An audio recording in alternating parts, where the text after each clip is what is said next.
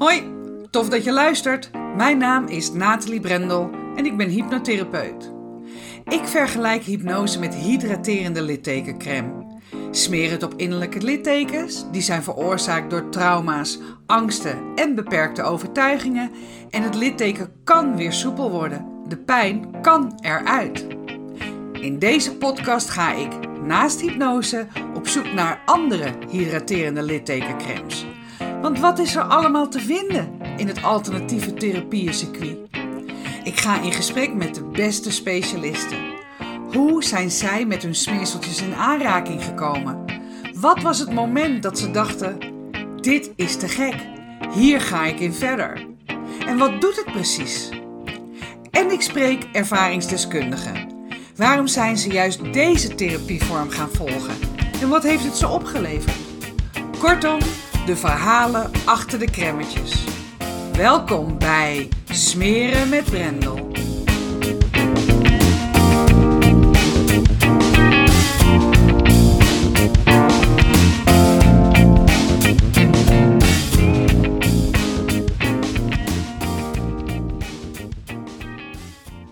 In deze aflevering wil ik het met je hebben over zelfontwikkeling. En misschien vind je dat wel een uh, vies woord. kan best. Dat vond ik vroeger namelijk ook. Maar ik luisterde gisteren naar een uh, podcast van een uh, medestudent. Met wie ik samen de hypnoseopleiding heb gedaan bij Edwin Salai. En zij vertelde hoe ze ertoe was gekomen om de hypnoseopleiding te gaan volgen.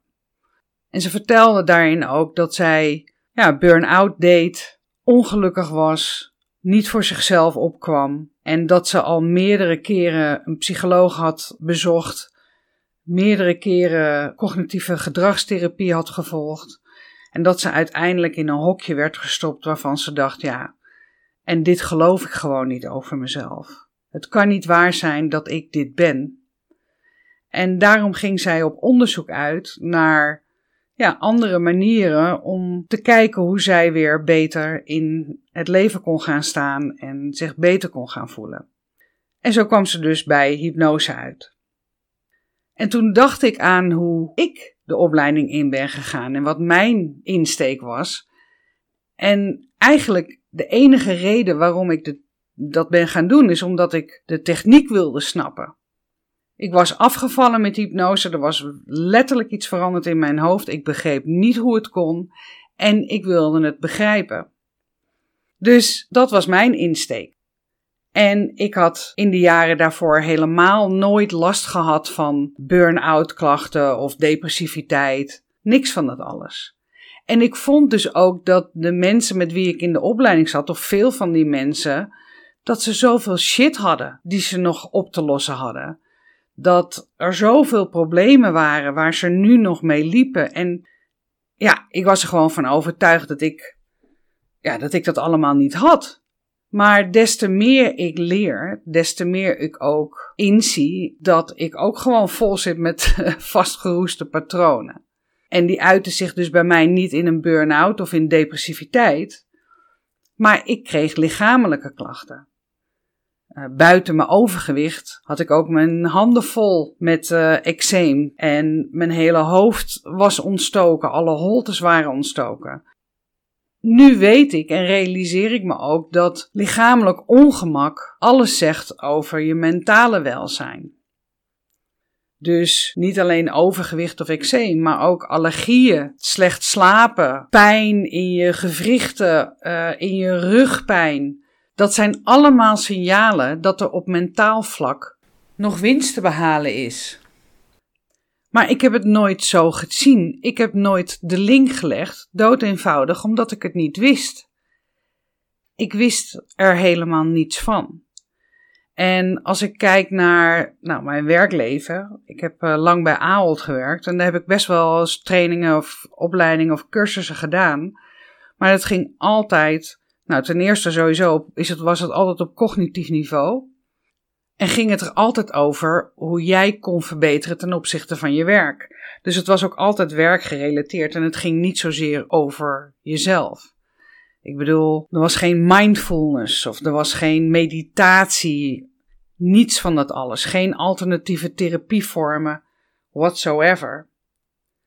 Maar ook toen ik in 2007 voor mezelf begon en best heel goed verdiende, waardoor ik makkelijk had kunnen investeren in een coach of ja, in zelfontwikkeling. Ik heb er gewoon nooit over nagedacht.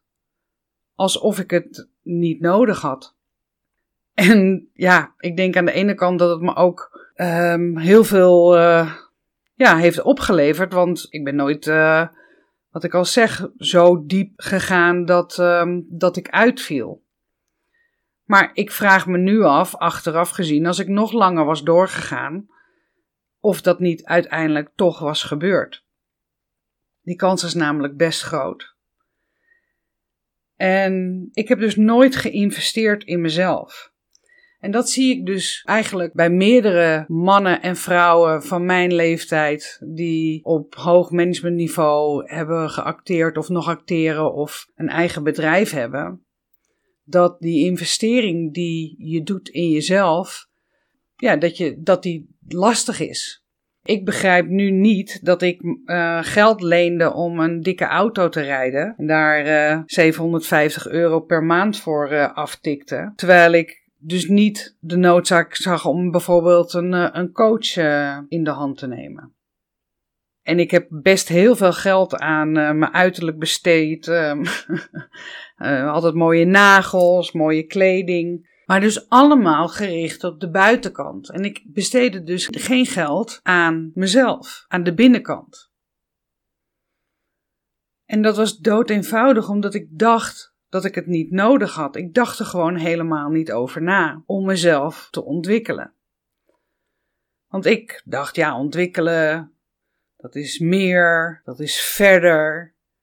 En ik kom nu tot de ontdekking, en als je ook kijkt naar het woord ontwikkelen, dan is dat letterlijk uit zijn wikkel komen, uit het omhulsel komen, zodat je vandaar kan groeien en verder kan komen is het dus niet groter, meer en verder, maar is het juist kleiner, minder en dichterbij.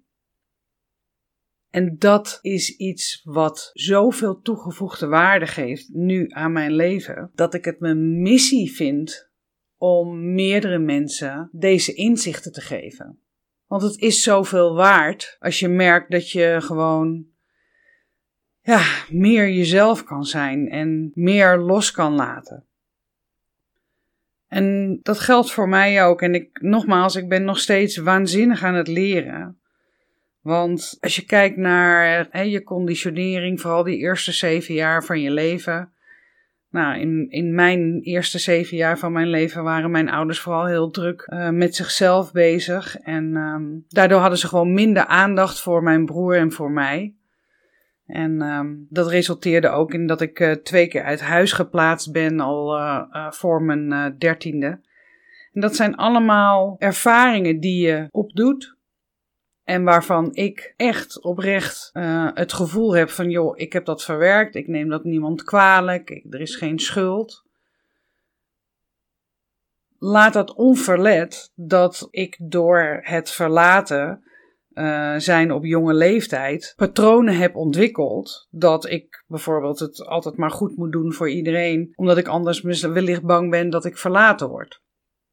Dat is zo'n vastgeroest patroon waar je niet eens bewust, waar ik me niet eens bewust van ben dat ik het doe. Maar wat blijkbaar wel al die jaren uh, ik met me meegenomen heb. En daarom ook dat ik vond dat ik al die ballen hoog te houden had waarvan er ook heel veel ballen niet eens van mij waren. En om gewoon te weten, waardoor je weer kunt gaan voelen van hé, hey, wat is goed voor mij? Wat dient mij? Merk ik ook dat mijn omgeving daardoor gewoon beter functioneert.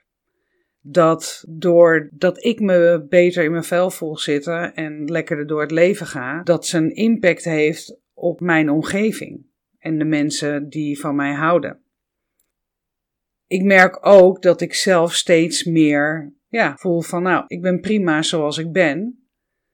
Er zijn echt nog wel wat issues uh, die ik op te lossen heb, maar daar werk ik aan. Maar het ermee bezig zijn maakt wel dat er ja, voor mij in ieder geval, rust ook in mijn leven komt.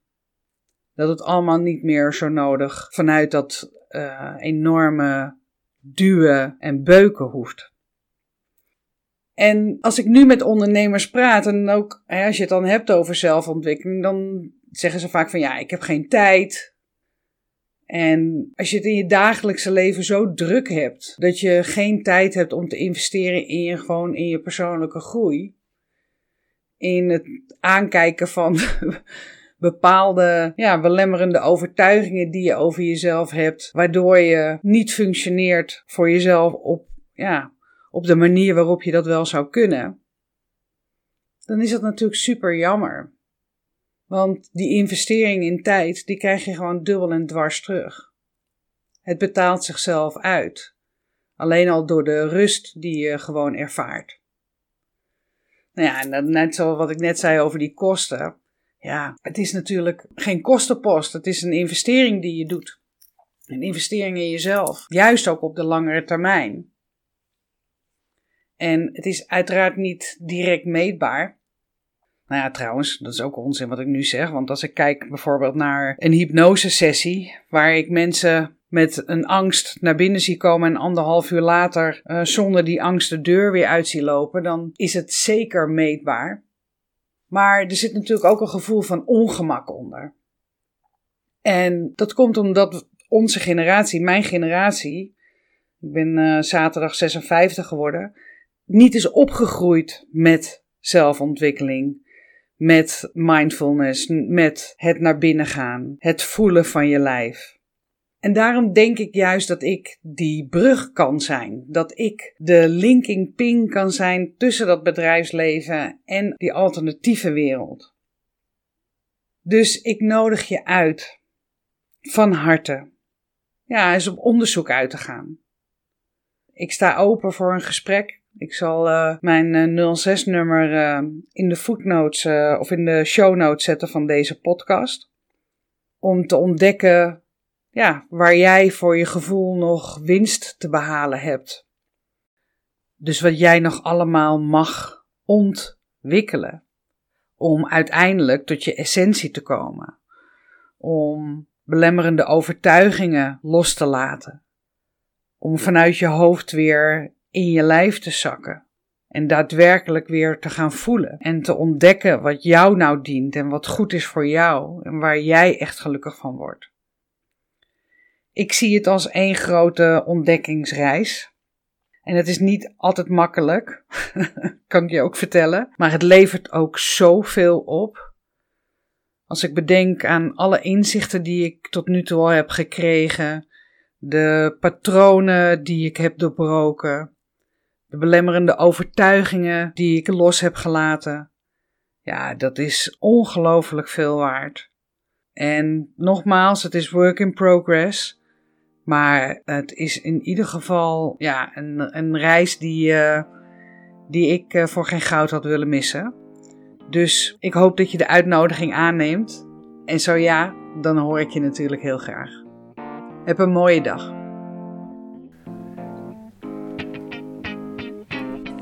Bedankt voor het luisteren naar Smeren met Brendel. Vond je dit een toffe podcast? Laat dat dan vooral weten door een 5-sterren review achter te laten. En ken je iemand die deze podcast vast ook interessant vindt? Dan zou ik het waanzinnig waarderen wanneer je hem deelt.